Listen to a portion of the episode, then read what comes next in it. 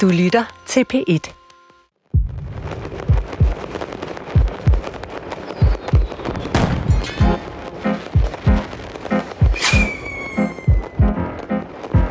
Det er den sidste dag på året.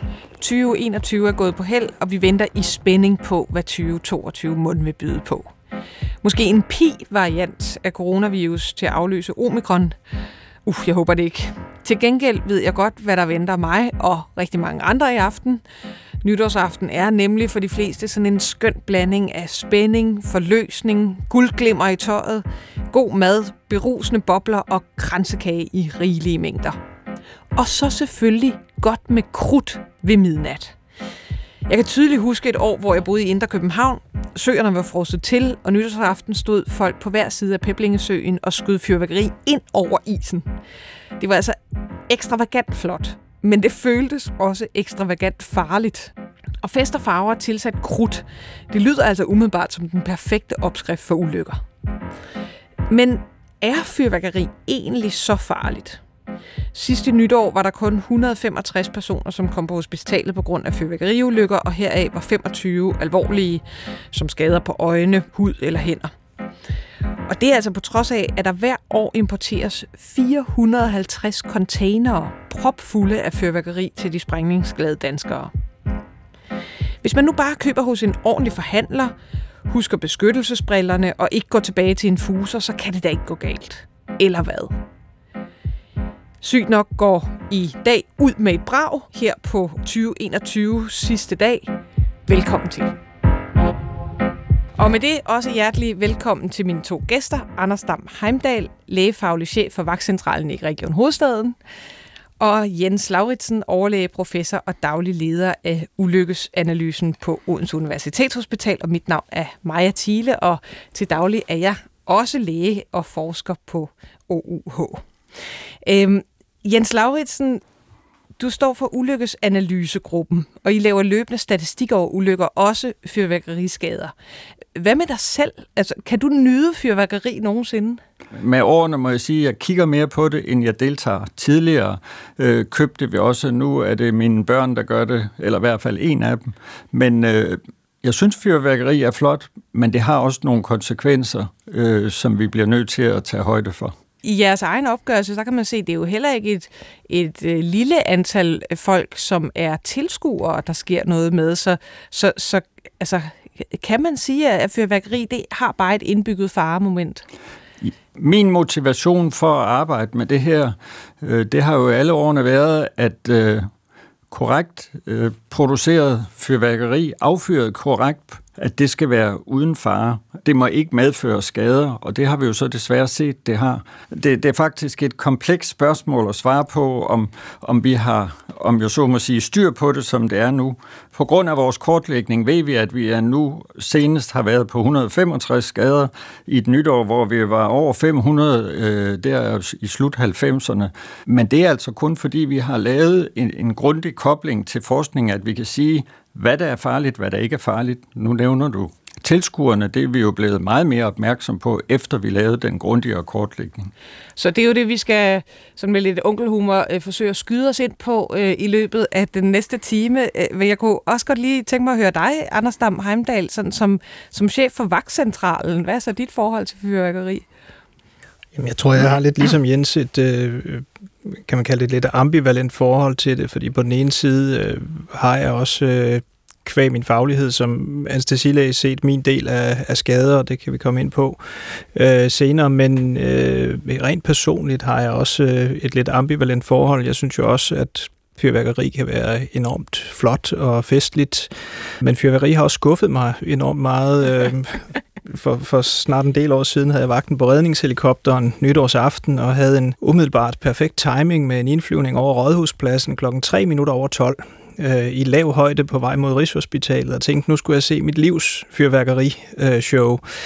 Øh, og det blev alt andet end det. Fyrværkeri er lavet til at blive set nedefra og op. Og, øh, det, var, det var ikke en god kombination at nej, have en helikopter hængende. Det her tæppe af fyrværkeri, jeg tænkte, vi skulle sejle ind over, det var ganske små lysglimt og meget skuffende. Så øh, det hænger stadig lidt ved os, og det er også mine børn, der køber fyrværkeri nu. Jeg, jeg kan nu godt øh, vedkende mig det der med at have givet 600-700 kroner for en eller anden raket, der virkelig skal give noget, og så sender man den op, og så to sekunder efter tænker man, nå, var det så det?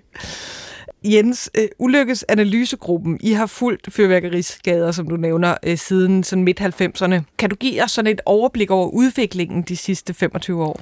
Jamen, i starten, der, der havde vi jo mottoet, håndholdt fyrværkeri har øh, fanden skabt, øh, fordi det var meget præget af kanonslag, som sprang i hænderne på de unge mænd, øh, og øh, der må man sige, at det billede er meget ændret. Øh, i, de, I løbet af årene, der har der i nogle perioder været øh, overvægt af skader fra raketter eller fra batterier. Vi har haft perioder, hvor øh, nogle af batterityperne kom på markedet for tidligt, øh, fordi de var for små i forhold til den sprængkraft, de havde. Men det, det er meget vigtigt at for den del af det, jeg har været med i, og tænke det som en, en samlet pakke, hvor vi følger det løbende. Jeg går ikke så meget op i, om det går lidt op eller ned det enkelte år, fordi det er værafhængigt. Min grund opfattelse gennem alle årene, det er, at vi har jo en skadepåvirkning her med 5-10 personer hvert år, der mister øh, dele af synet, eller nogen mister endda et, et helt øje, eller måske mere øh, syn på begge øjne, og det, er det rimeligt? Men, men, men jeg var inde og se på jeres egen oversigt her, og det, ja. altså, når jeg kigger på jeres statistikker over årene, så er forekomsten af fyrværkeriskader jo faldende. Men du siger, de alvorlige ulykker, der, der, øh, der vedbliver med at være Altså, øh, det samme skader, det er meget vigtigt også, når vi, når vi diskuterer antal på det her område, som så mange andre områder. Hvad er det for antal, vi taler om? Det vi har gjort her, som jo er den, øh, hvad skal man sige, grund, øh, tager udgangspunkt i epidemiologisk metode, det er, at ting foregår på nøjagtig samme kortlægningsfasong igennem mange år. Og her er det altså alle øh, akutte behandlingssteder i Danmark, der har været villige til igennem de her 25 år snart øh, at indberette alle, de har haft til behandling for hele døgnet den 31. og hele døgnet den første i første.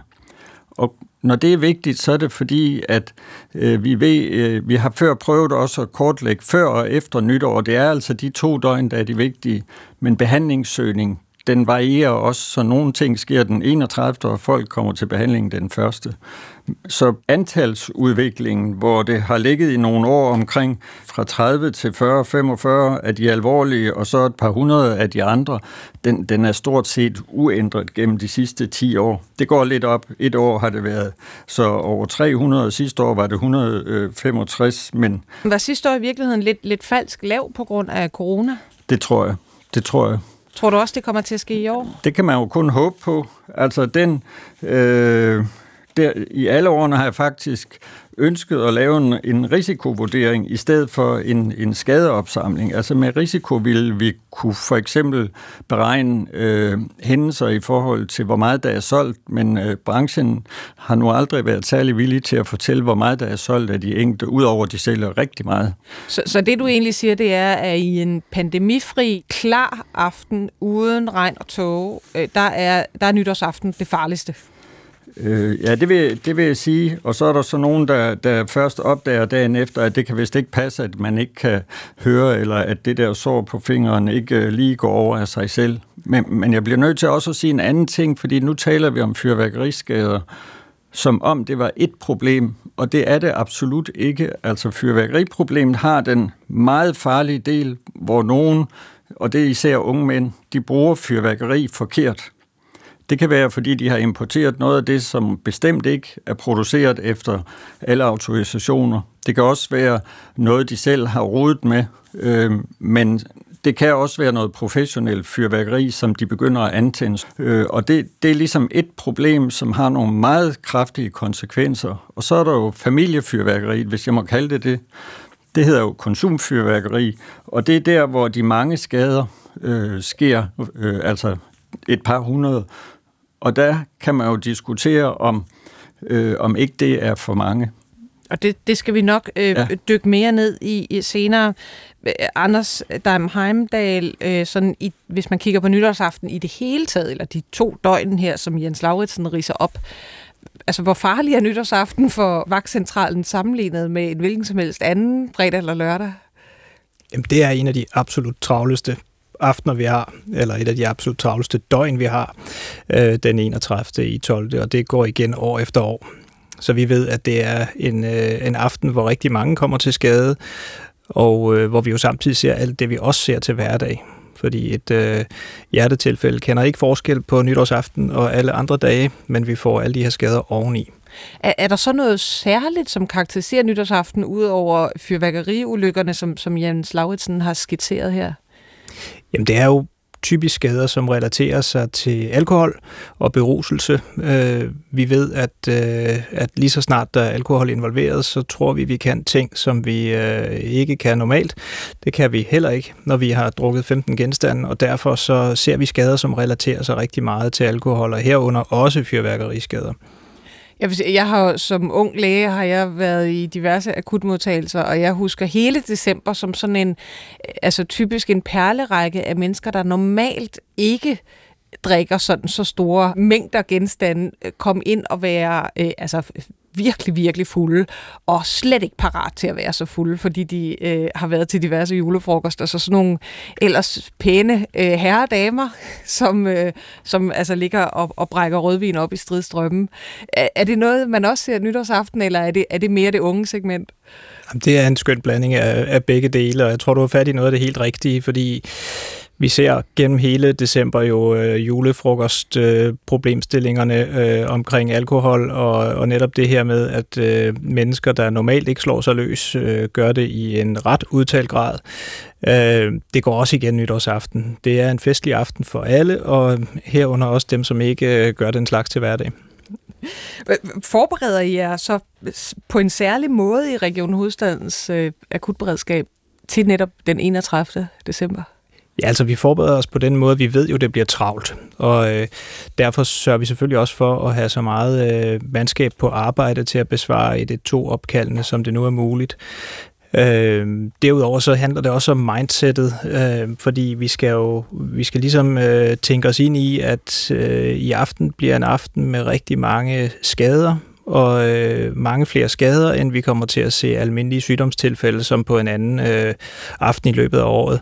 Så, så både personalets mindset, men også øh, fremmødet er, er opjusteret. Og derudover så har vi også nogle andre tiltag, som øh, gerne skal gøre os bedre rustet til, hvis der sker noget nytårsaften.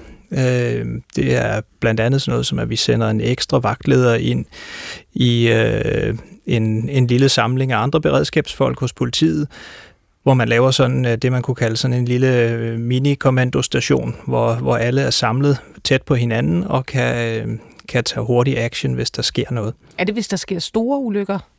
Det er i virkeligheden det hele.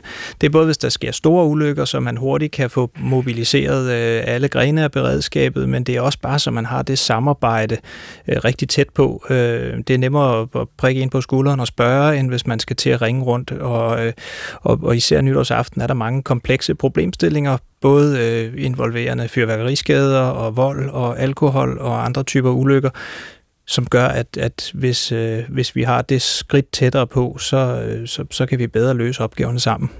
Hvis jeg lige må tilføje et, en ekstra, vi har jo en ekstra parameter, fordi nogle af de ting her er jo lidt uproblematiske om sommeren, men kulden er, ser vi jo også som et stort problem, så, så samhørighed, altså omsorg for de andre, det her med, at ingen skal gå alene hjem og sådan nogle ting øh, på det forebyggende område, det er, det er bestemt også en parameter, som man skal tage højde for i øh, den her kolde tid det, det er jo en rigtig god pointe. I forvejen skal vi jo også passe rigtig godt på hinanden, så særligt her nytårsaften.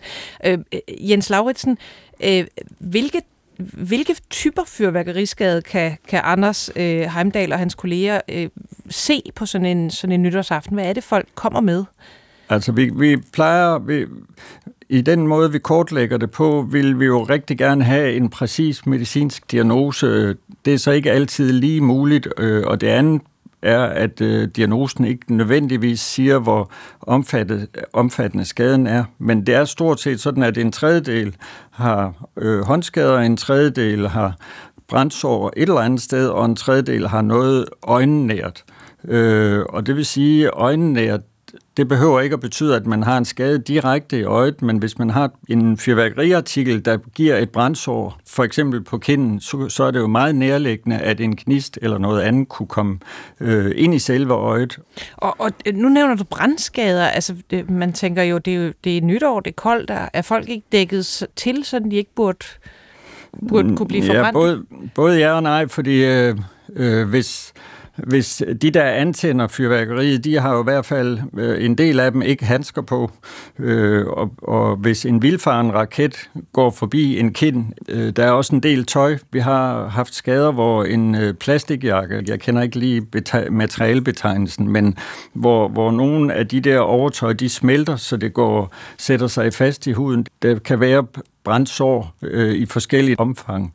Fordi man får et overfladisk øh, hudafskrabning eller et lille brændsår på hånden, det er jo ikke noget, man dør af. Men, men problemet er, hvis det er større og mere udbredte brændsår, for eksempel en jagt, der går, går i lige. Hvordan holder man kompetencerne ved lige til noget, der sker en gang om året? Hvordan? Jamen, det er jo, jamen det, sådan er det jo ikke. Altså, alle de her skader foregår hele året. Der, det er bare årsagerne, der er forskellige. Eksplosionsulykker, der kan give øjenskader, de sker jo også om sommeren, øh, og, eller i arbejdsmæssig sammenhæng. Så, så man skal ikke, øh, hvis man er øh, virkelig uheldig, en af de allerførste, øh, der, der fyrer en forkert øh, bombe af der den 31., så skal man ikke nødvendigvis være Ej. bange for, at så, så tager man øh, øjenlægerne eller ørelægerne på scenen. Nej, nej, nej. Vi har jo et fantastisk sundhedsvæsen i Danmark, der, der hjælper alle. Der kan være et afstandsproblem, kan man sige. Og derfor er, er det jo altid en god idé at kende almindelig førstehjælp. Og hvis man kun har et lille brændsår, så behøver man jo ikke at køre på skadestuen, men det, det burde man være i stand til at ordne selv i, i umiddelbart, øh, hvis ikke der er knogleskade eller nogle, nogle åbne sår eller andet. Så, så førstehjælpsundervisning mener jeg faktisk vil hjælpe os meget på travlheden på skadestuerne. Jamen jeg kan se, Anders han øh, står altså og giver thumbs up her med, med hensyn til førstehjælp. Du lytter til Sygt Nok. Vi øh, skyder det nye år ind med en hel time om fyrværkeriskader og i det hele taget nytårets farlighed som en løftet pegefinger til jer derude. Mit navn er Maja Thiele, og med i studiet er Anders Stab Heimdal, lægefaglig chef for Vagtcentralen i Region Hovedstaden, og Jens Lauritsen, overlæge, professor og daglig leder af Ulykkesanalysegruppen på Odense Universitetshospital. Øh, vi er allerede rigtig godt i gang med at snakke om fyrværkeriskader, men jeg synes simpelthen også, at vi bliver nødt til at høre lidt om, hvorfor fyrværkeri er så fascinerende. Øh, vi har snakket med Andreas Liberot, der er lektor på Danmarks Pædagogiske Universitet, hvor han arbejder med adfærdsforskning. Og her får I hans bud på, hvorfor vi drages mod fyrværkeriet nytår efter nytår.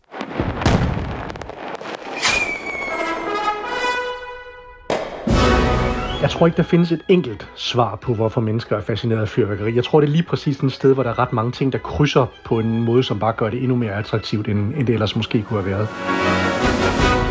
Det er flot at se på, og det laver store lyde, og vi kan jo godt lide at få stimuleret vores sanser. Altså.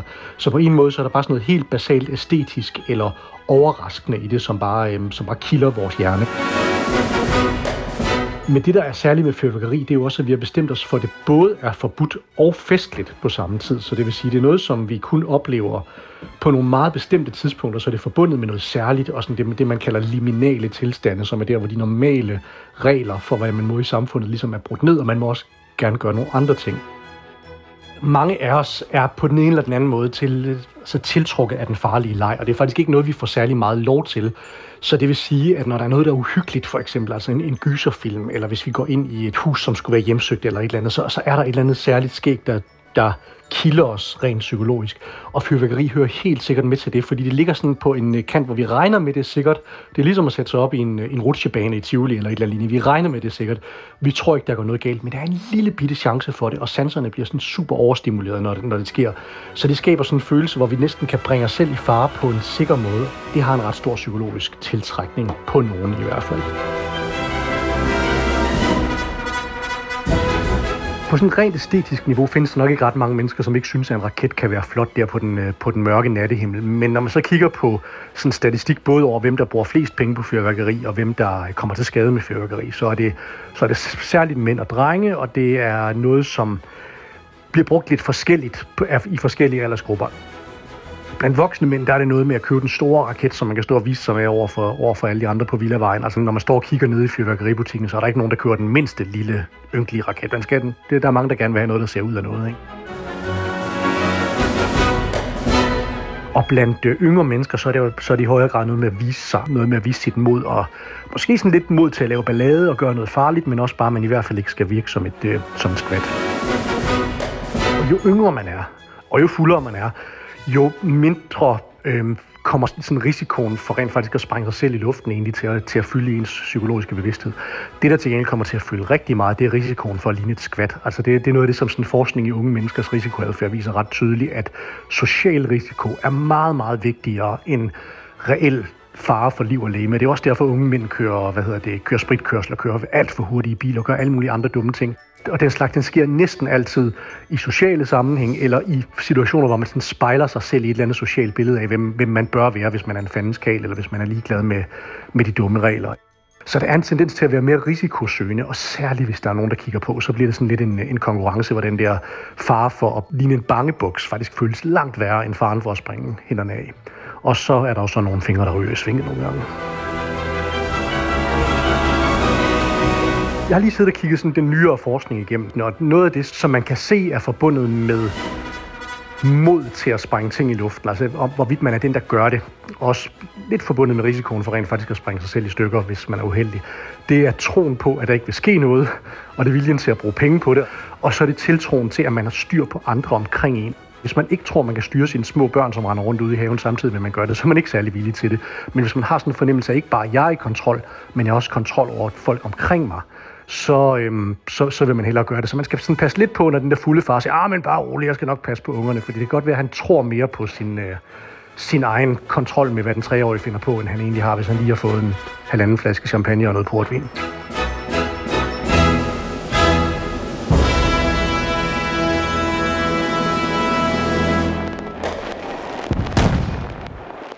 Og det var altså lektor på Danmarks Pædagogiske Universitet, Andreas Liberot, øh, som fortalte om, hvorfor fyrværkeri lige begejstrer os så meget. Øh, den der kombination af, at det både føles lidt forbudt og farligt og festligt på samme tid. Hvordan synes I om, om det, øh, Andreas Liberot øh, beskriver her? Jamen, øh, det er jo helt rigtigt, som det blev sagt i interviewet der. Jeg synes bare, det er for unuanceret, fordi det, der er, man skal huske hver gang, det er adskillelsen mellem konsumfyrværkeriet og så det ulovlige. Og jeg er ikke i tvivl om, at de der unge mænd, de bliver tiltrukket af øh, det der, som absolut ikke kan anbefales, altså stryger og kanonslag og så videre. Jeg har meget svært ved at forstå, at man synes, det er morsomt at skyde et kanonslag af, som giver en så stor øh, hørepåvirkning, at man ikke kan høre noget i flere dage bagefter, eventuelt permanent. Så, så det er ligesom et risikobegreb i den lille gruppe af, af unge, som, som håndterer det. Og så er der den store brede befolkning, og sådan hvis vi skulle relatere det til forskningen, så kan vi jo sige, at det et stort problem, at 80 procent af et, øh, et eller andet sundhedsproblem, det er knyttet til hele befolkningen, og så måske 10-20 procent er knyttet til en lille risikogruppe. Altså, altså det du mener, det er øh, det, der blev hentydet til, at det var altså øh, særligt øh, unge mænd og drenge, som fik skaderne, fordi de, de fyrer det farlige fyrværkeri af, eller måske har en, en, en risikoadfærd, hvor det, hvor det egentlig er lidt, lidt fedt at, at være øh, på kanten af faren. Ja, vi, vi kan jo ikke lave egentlig haverikommissionsarbejde, hvor vi kommer helt tæt på. Vi kan se på nogle mønstre, og nogle af de mønstre øh, afspejler jo helt klart, at, at de der unge mænd, de har et stort problem, men det er jo også de voksne mænd, som har glemt, at de burde være fornuftige. Men, men det, er vel, det er vel rigtigt nok, at det altså er trods alt mest hankøn, ikke? Er det ikke 80 procent af, af fyrværkeriskaderne øh, sker hos mænd? Jo, men det er stadigvæk sådan, at så de der stakkels, undskyld, jeg siger, det må man sikkert ikke sige, men øh, de der stakkels kvindelige tilskuere, der står øh, fire meter bagved, de bliver altså også ramt. Så hvis vi gør det til en suppedag, så, så får vi i hvert fald ikke forebyggelsen i orden. Og, og hvad er det så for type fyrværkeri, der sådan typisk giver skader? Når, når man snakker om fyrværkerityperne, så skal vi jo især være opmærksom på de alvorlige skader, fordi det er dem, der giver veje men. Og der er raketterne og batterierne dem, der giver størst skader, men også romerlys og bomberør. hvis vi ikke havde raketter, var halvdelen øh, af de alvorlige skader og alle skader i øvrigt øh, slet ikke forekommende. Det er jo det, de har gjort i udlandet, i Norge og Sverige blandt andet. Så det er altså knyttet til den sprængkraft, der ligger i det fyrværkeri, man affyrer. Så når der sker skader med raketter, så er det ikke øh, Altså, så er det fordi, de jeg flyver langs med jorden, øh, eller, eller andre steder, hvor de ikke burde flyve hen? Ja, for man kan også sige, at øh, normalt tillader vi jo ikke øh, maskiner og andet kræver særlig instruktion, og hvis raketter har en sådan størrelse, når man kigger på dem, apropos det, der blev sagt om, at man køber den største og ikke den mindste, ja, hvis man ikke samtidig har erkendelsen af, at det forudsætter en meget kraftig affyringsrampe, som er sikret i forvejen, jamen så får vi de her vælteulykker, hvor der også jo i, øh, på Vestjylland for nogle år siden var en raket, der fløj vandret og ramte et barn i maven. Så man simpelthen, altså man tager en lille 250 ml øh, sodavandsflaske og stiller den der øh, kæmpe tunge raket op i, ja, og så tror den, man, det holder. Den, ja, den gamle misforståelse om, at champagneflasken kan bruges, det går bare slet ikke. Hvad, hvad kan der dog ske med et batteri? Jeg tænker, det, det står bare der på jorden. Og... Mm, ja, hvis det bliver tændt rigtigt, og hvis det fungerer efter hensigten. Der har også været en retssag, hvor nogle batterier, der var blevet øh, forbudt, at de faktisk blev ompakket det følgende år, og det firma, der solgte dem, øh, de jo så fik en, en hæftig bøde for det. Så det, det er hele tiden for batterierne også en forudsætning, at øh, godkendelsesbestemmelserne, at produktionen overholder de øh, produktionstegninger, der er lavet, og at de så også bliver udført efter hensigt. Altså, det er sådan meget komplekst. Ja, hvis jeg skal komme med et eksempel, så øh, når jeg kører rundt, nu er jeg jo en del år kørt rundt der nytårsmorgen øh, på vejene for at gå ud og fortælle, hvor mange der var kommet til skade, så har jeg altid taget billeder af alle de batterier, jeg kom forbi. Og det, man finder hvert år nogen, hvor de er gået i stykker. Altså for eksempel, at man kan se, at de har været tændt, som de skulle, for halvdelen af rørene, og så den anden halvdel, der er det ligesom sprungen i stedet for. Så, så det bliver simpelthen, i stedet for at ryge op og lave en flot, ja. noget flot lys, så bliver det ligesom en, en bombe? Det, så bliver det en bombe, der danser rundt og, og sender ildkugler rundt i øh, den gruppe af personer, der er der. Der var også noget med et batteri, der var simpelthen blevet vendt på hovedet. Ja, men det er jo der, hvor hvis folk, står, øh, hvis folk ikke har sikret sig på forhånd, hvor tænder jeg det her batteri, og så de tænder det, mens det ligger med hovedet nedad, ja, så vil det selvfølgelig danse rundt. For nogle år siden havde, var der også en særlig lundekonstruktion, hvor man kunne mistænke, hvilken lunde skal man tænde de, de er så, det er så blevet taklet i godkendelsesprocedurerne, at det burde ikke være muligt længere. Og, og, og det ulovlige fyrværkeri, hvor mange procent af, Jamen, af skaderne det ulovlige fyrværkeri har vi jo fået, tror jeg, har man forstået efterhånden, at det er nede på, på omkring 5-10 øh, procent af alle hændelser, der er knyttet til det. Til gengæld, hvis man nu i stedet målte effekten ved andre jeg, jeg er bekymret, når jeg går rundt der i nærheden af, hvor jeg bor, hvor der er nogle unge mænd, der synes, det er sjovt at smide kanonslag ind i en opgang. Det larmer så meget, som man det runger for ørerne i flere timer bagefter. I forhold til det ulovlige fyrværkeri, hvordan, hvordan ser det ud, altså vedrørende de svære skader versus lette skader? Jamen, der, er ikke, der er jo ingen tvivl om, at øh, Øh, man kan tydeligt se, at vi, vi havde i no, nogle perioder, har der været den opfattelse, at man kunne bare sige, at det var en raket, fordi så var det jo ikke ulovligt. Og vi har haft en del diskussioner i løbet af de mange år i de opfølgende møder med, med branchen og, og myndighederne, hvor, hvor der har været en opfattelse af, at det, det bliver undervurderet, hvor meget der skyldes ulovlig fyrværkeri. Hvis du nu har den her 15-årige dreng, der har skudt et... Øh, kanonslag af i hånden sammen med gutterne, og så sidder han på sygehuset, og lægen spørger, øh, og forældrene sidder ved siden af, øh, og ser ikke særlig glade ud på hverken på egne eller drengens vegne. Ja, så kan det jo godt være, at drengen kommer med en lidt anden historie, end den, som vi får at vide dagen efter, eller et par dage efter, øh, når han bliver konfronteret med, at det der, tænker vi altså, mere har med et kanonslag at gøre. Men de der øh, kanonslag og andet, som springer i hånden på folk, det giver nogle meget karakteristiske skader, som man altså ikke bare lige kan reproducere, eller man kan ikke ligesom øh, bortforklare, øh, at det var noget håndholdt. Og, og øh, Anders øh, Dam Heimdal, har du selv stået med fyrværkeriskader og behandlet dem? Jamen det har jeg. Både selvfølgelig i min øh, tidlige karriere over på, på skadestuen, øh, hvor, øh, hvor alle de her selvhenvender kommer ind med, med de mindre skader, men også, øh, også nogle af de større skader, når jeg, øh, når jeg har fløjet på redningshelikopteren eller kørt lægebil i, øh, i, øh, i København eller andre dele af landet. Øh, så man kan sige, man ser hele, hele paletten af skader, og, øh, og, og jeg tror næsten, det er som med, med mange andre ting, at hvis man kan forestille sig det, så har vi også set det i en eller anden udstrækning. En af de ting, som har brændt sig fast hos mig, øh, er en, øh, en, en helikoptertur, der efterhånden ligger en del år tilbage, øh, hvor en, øh, en far havde tændt noget ulovligt fyrværkeri med sit spædbarn på, på armen. Øh, og, og der går selvfølgelig noget galt, og øh, en masse ting øh, springer i luften med en meget stor sprængkraft og river hans ene arm af. Øh, den modsatte arm af, af den, han har øh, spædbarnet på.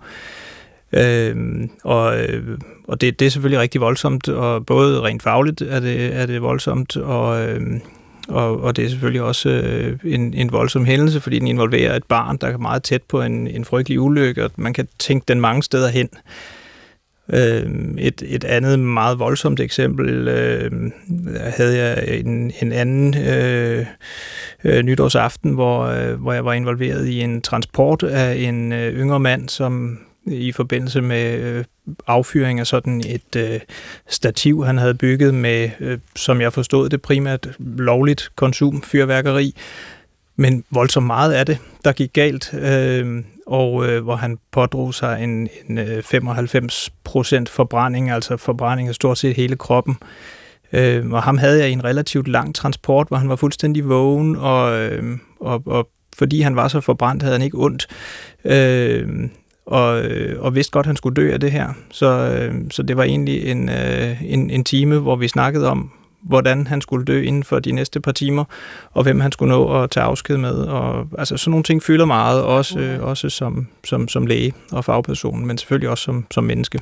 Men det er jo nogle, det er jo nogle ja, første ekstreme og, og frygtelige tilfælde. Det lyder også som om, at det netop er sådan et eksempel på, at man altså, jamen, bruger fyrværkeri, som det ikke er ment til at blive brugt giver, altså, der, begge eksempler er udmærket øh, eksempler på, at fyrværkeri bliver brugt helt forkert øh, eller ulovligt, øh, som i det ene tilfælde, men, øh, men, men øh, det viser også, hvor, hvor, hvor, hvor stærke kræfter vi har med at gøre, og, øh, og hvor farligt det her potentielt er, hvis, hvis noget går galt i processen.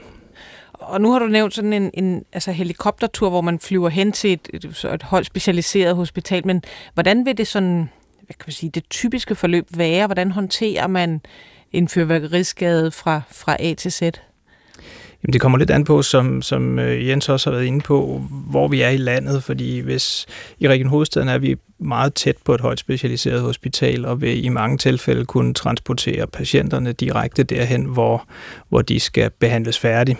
Andre steder i landet kan der være længere mellem hospitalerne, og, øh, og der vil man jo typisk blive bragt ind til det nærmeste akuthospital og blive vurderet, og så øh, eventuelt overflyttet videre derfra. Det er klart, der er nogle skader, som er så voldsomme, at det er helt oplagt, øh, at de skal til et stort universitetshospital, hvor der er de rigtige kompetencer til, til stede. Du lytter til Sygt Nok. Mit navn er Maja Thiele, og med til at skyde nytåret ind er Anders Dam Heimdal, lægefaglig chef for Vagtcentralen i Region Hovedstaden, og Jens Lauritsen, overlæge, professor og daglig leder af Ulykkesanalysegruppen på Odense Universitetshospital.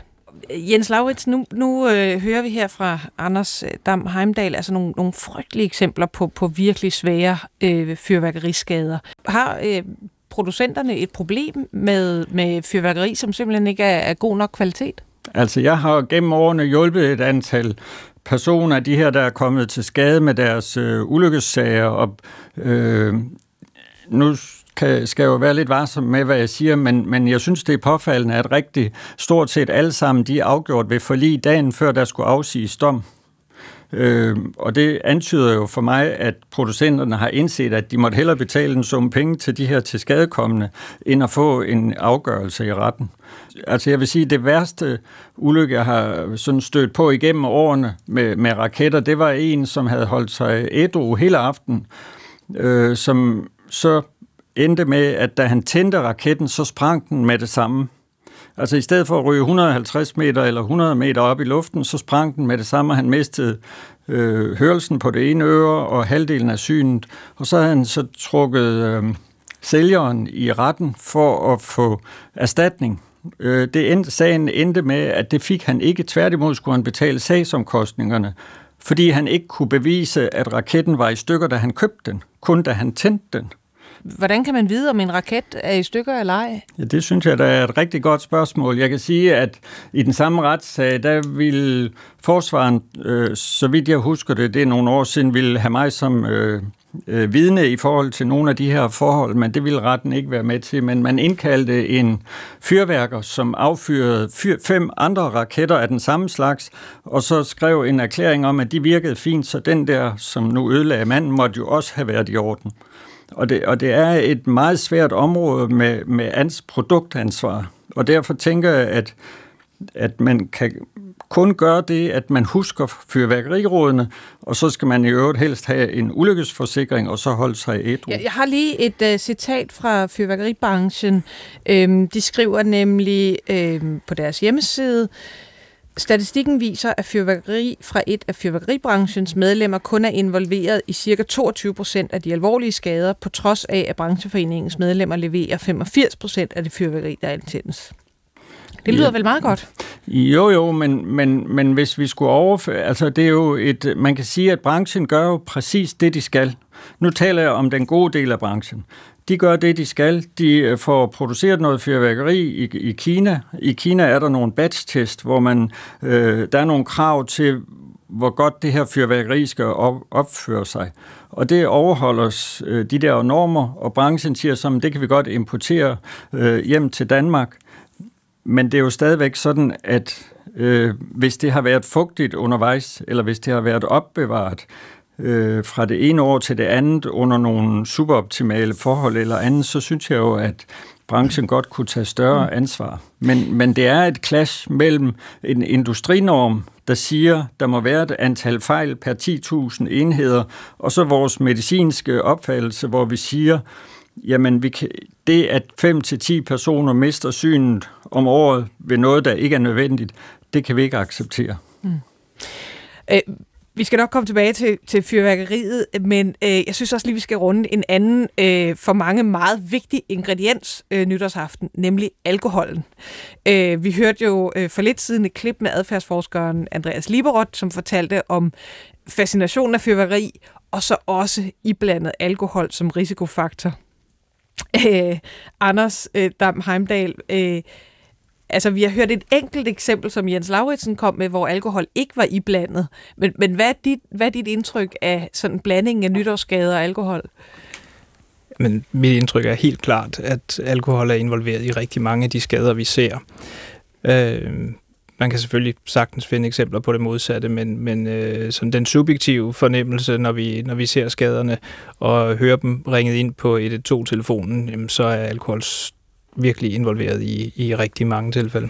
Det er jo også altså på den måde en fantastisk kemisk øh, substans, øh, fordi det, du, du lige øh, cutter øh, pandelappen, hvor hvad skal vi sige, det kontrollerende over jeg sidder, øh, så, så din risikoadfærd, den, den bliver, eller din, øh, din, din evne til at udøve risikoadfærd bliver, bliver så meget højere, og så samtidig så, så mister man også øh, en god portion af sin koordinationsevne, ikke? Så, så du har virkelig øh, lagt i ovnen til, til ulykker der. Øh, og I havde jo, øh, Anders, en, en, øh, sådan en mobil behandlingsplads på Rådhuspladsen. Øh, jeg tror, I nåede at have to to øh, julefrokost weekender øh, stående. Øh, hvad var det? Øh, hvad var tankerne bag den? Jamen tankerne bag den var, at øh, vi ser i de her julefrokostweekender øh, rigtig mange opkald ind til øh, 112-vagtcentralen, især med berusede øh, mennesker. Øh, og det er nogle opkald, som fylder rigtig meget. De fylder rigtig meget i hele det belastede sundhedsvæsen, som det er nu. Øh, men de fylder både i starten af, af fødekæden, altså på 112-linjerne, fordi når man er beruset, så har man en anden evne til at forstå simple beskeder, og det vil sige, at opkaldene bliver meget lange. Der er også rigtig mange af dem, som glemmer, de har ringet, og ringer lige øh, umiddelbart efter igen. Og det vil sige også, også mange genindringer, og, øh, og, og ofte flere gange, nogle gange op til fem og seks gange i løbet af en aften. Så de fylder meget, og de spærrer jo en 1-2-linje for andre, som kunne have reelt brug for hjælp. Øh, det andet er, at det er enormt svært at vurdere, telefonisk øh, fulde mennesker. Altså det er i forvejen enormt svært, og en af de allersværeste øh, medicinske discipliner at telefonvurdere og visitere.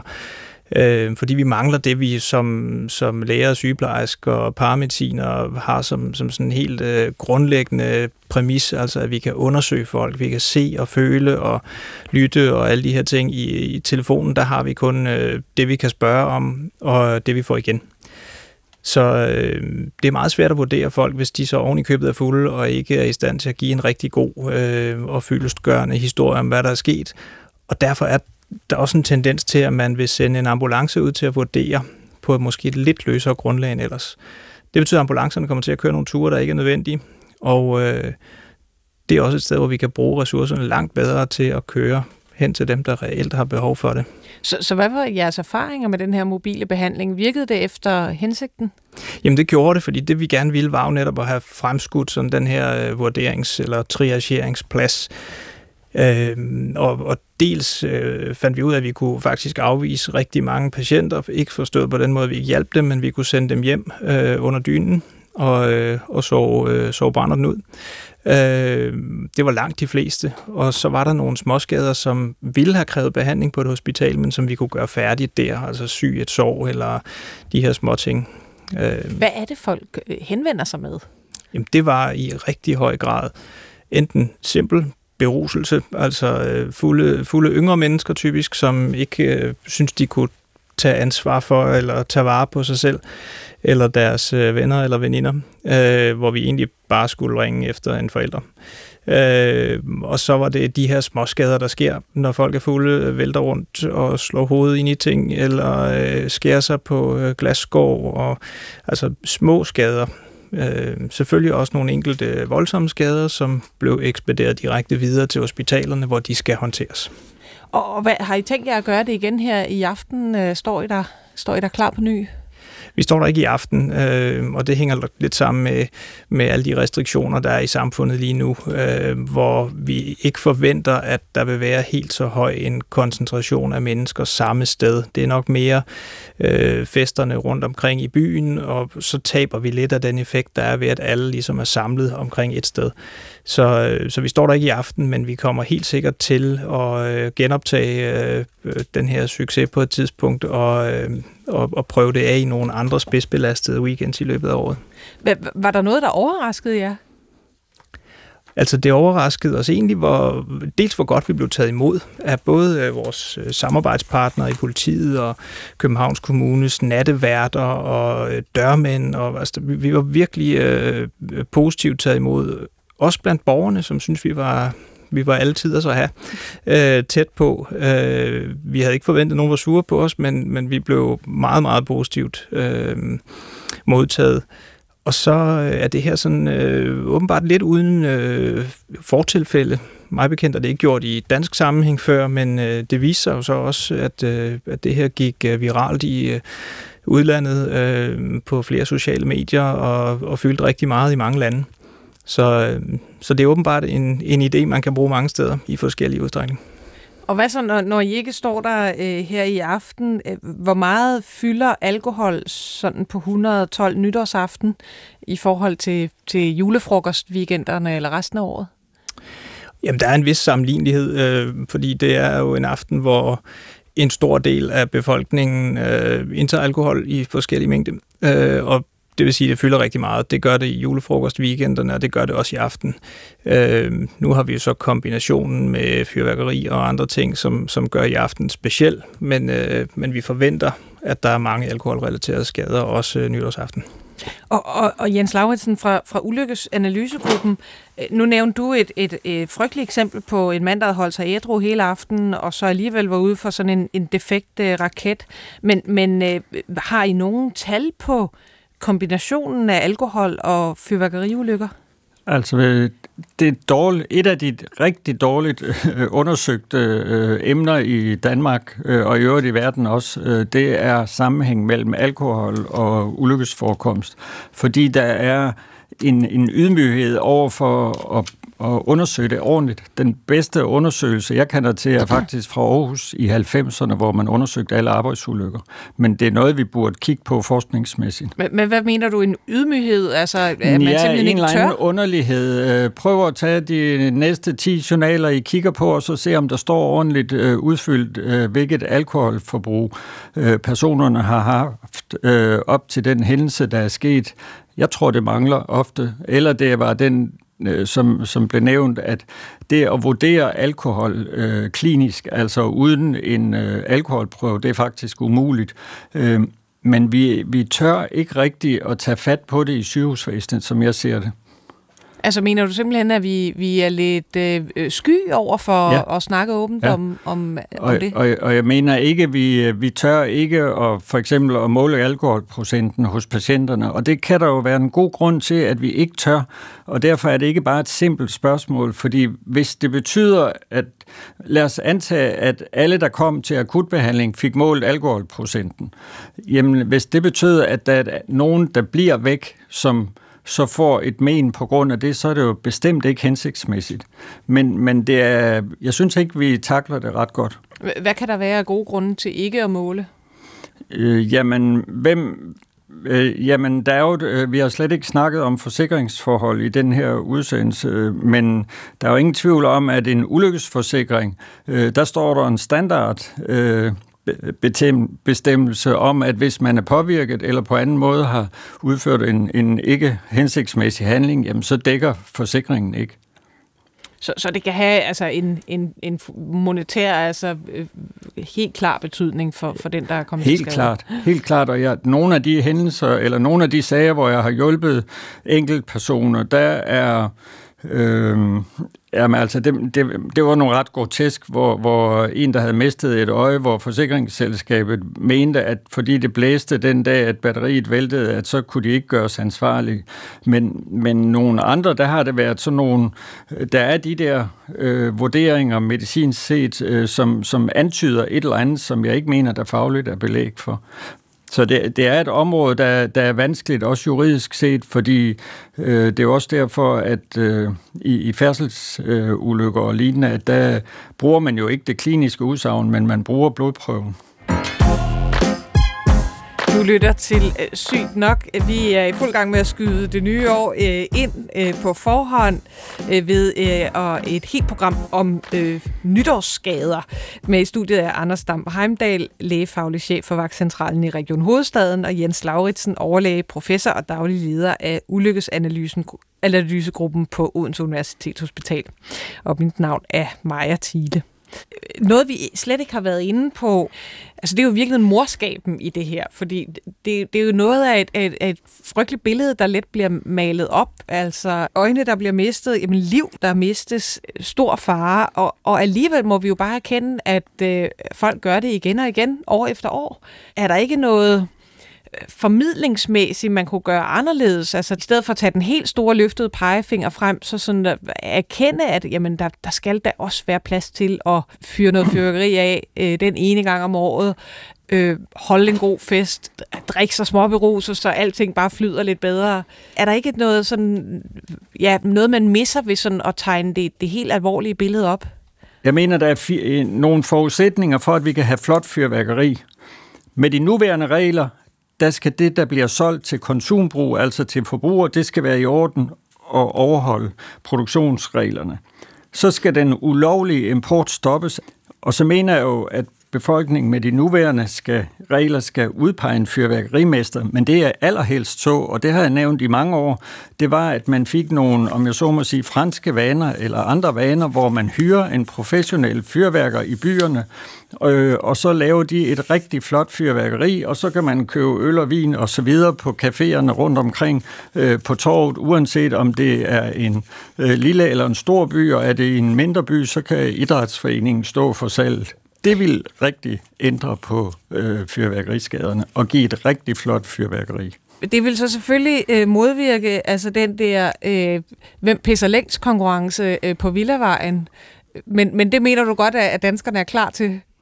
Jamen, hvis du ser på, hvordan man har ændret holdningen til spirituskørsel gennem de sidste rigtig mange år, så er der jo nu, jeg ved godt, det er et, stadigvæk er et stort problem og en stor del af dødsulykker osv., men der er helt klart kommet en anden holdning til, om det er i orden at køre hjem i en brændert, efter min mening, end det var for 20-40 år siden. Og det er sådan en holdningsændring, der skal være. Anders Dam Heimdal, på sådan øh, en vagtcentral, så ser man jo altid de værste tilfælde og tror, at sådan må det være for alle. Kan du ikke forstå, at der må være nogen, som har lov til at, til at give den lidt gas og, og slippe sig løs øh, nytårsaften? Jo, det kan jeg helt bestemt godt. Det er, og, og jeg kan også godt tage mig selv i at lyde som en gammel mand med en løftet pegefinger i nogen sammenhæng. Øh, og det er jo, som du siger, fordi vi ser alt, alt det, der, der ikke er gået godt. Øh, men jeg tror, det der er vigtigt er også at holde for, at øh, man kan sagtens øh, nyde alkohol, og man kan også øh, sagtens være beruset i en eller anden udstrækning. Øhm, og, og, og det er jo sjovt, men det er jo ikke sjovt, når man ligger på vejen øh, og har tisset i bukserne og er fuldstændig bevidstløs og skal slæbes hjem. Så jeg tror også, der skal lægges det der filter ind i, at øh, man kan sagtens have det sjovt, uden at øh, det behøver at involvere 30 genstande. Og, og, og hvad, hvad tror du i forhold til sådan det overordnede antal af nytårsskader? Kommer det til at, at holde sig stabilt, eller kommer vi til at se færre og færre år for år? Jeg håber, at vi kommer til at se færre og færre. Øhm, og jeg tror også på det, fordi jeg tror, vi er vi er nok et sted, hvor, hvor øh, vi godt kan påvirke befolkningens adfærd, og forhåbentlig også de andre ting, Jens er inde på i forhold til branchen. Øh, men, øh, men omvendt er vi også efterhånden på et lavt niveau sammenlignet med, med øh, 90'erne, hvor man startede med at opgøre det her. Så vi ser nok ikke det der meget drastiske fald, øh, tror jeg. Men, men jeg håber at vi ser en, en stødt faldende kurve øh, de kommende år. Og, og Jens Lauritsen, netop i forhold til, til øh, nytårs- øh, og, og fyrværkeriskader specifikt, øh, hvordan tror du, de næste 10 år kommer til at se ud?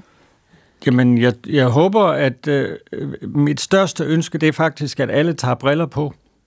Hvis vi bare kunne få det øh, indført, så vil der være rigtig mange øh, af de hændelser, der skete, der alligevel sker med det lovlige fyrværkeri, som ikke får en konsekvens, hvor folk skal have behandling eller senfølger. Hvad med så, altså sådan en som mig, som bruger almindelige briller? Er, er det i orden?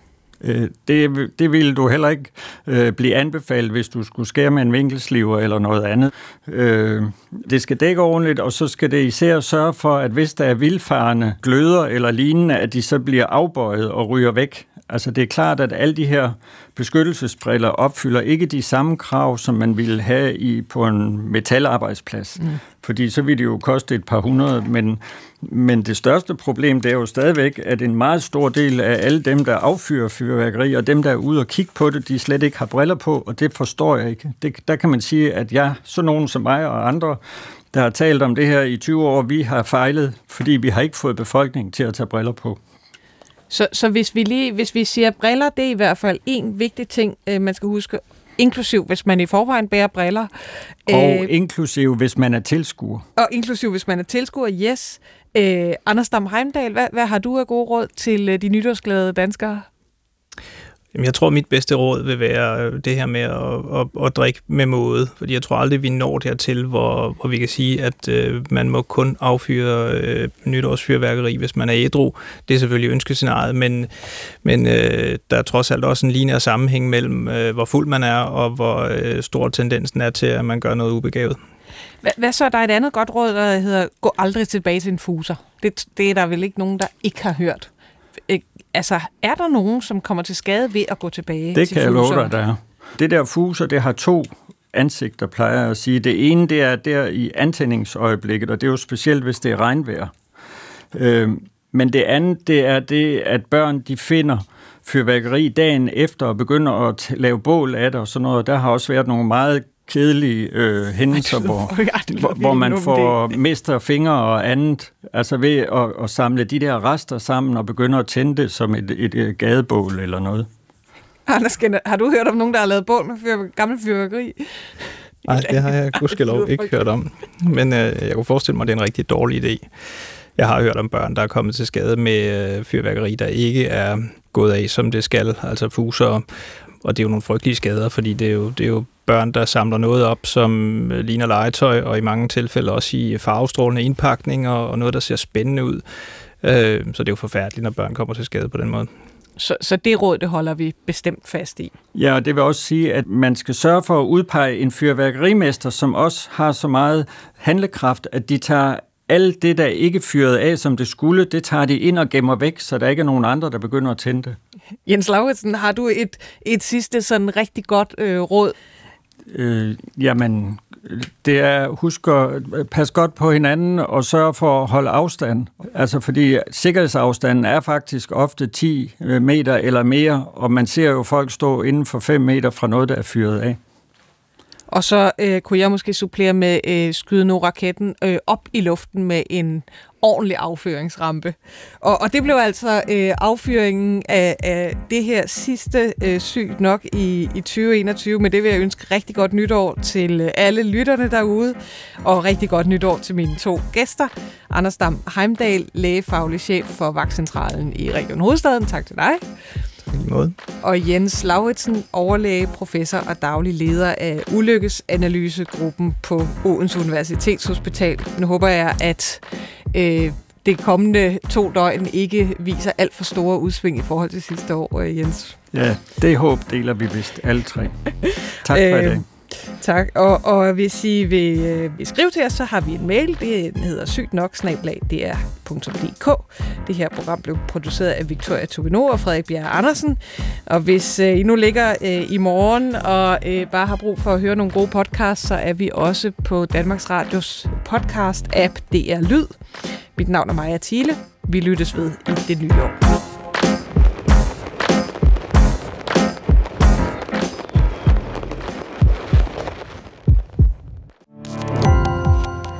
Gå på opdagelse i alle DR's podcast og radioprogrammer. I appen DR Lyd.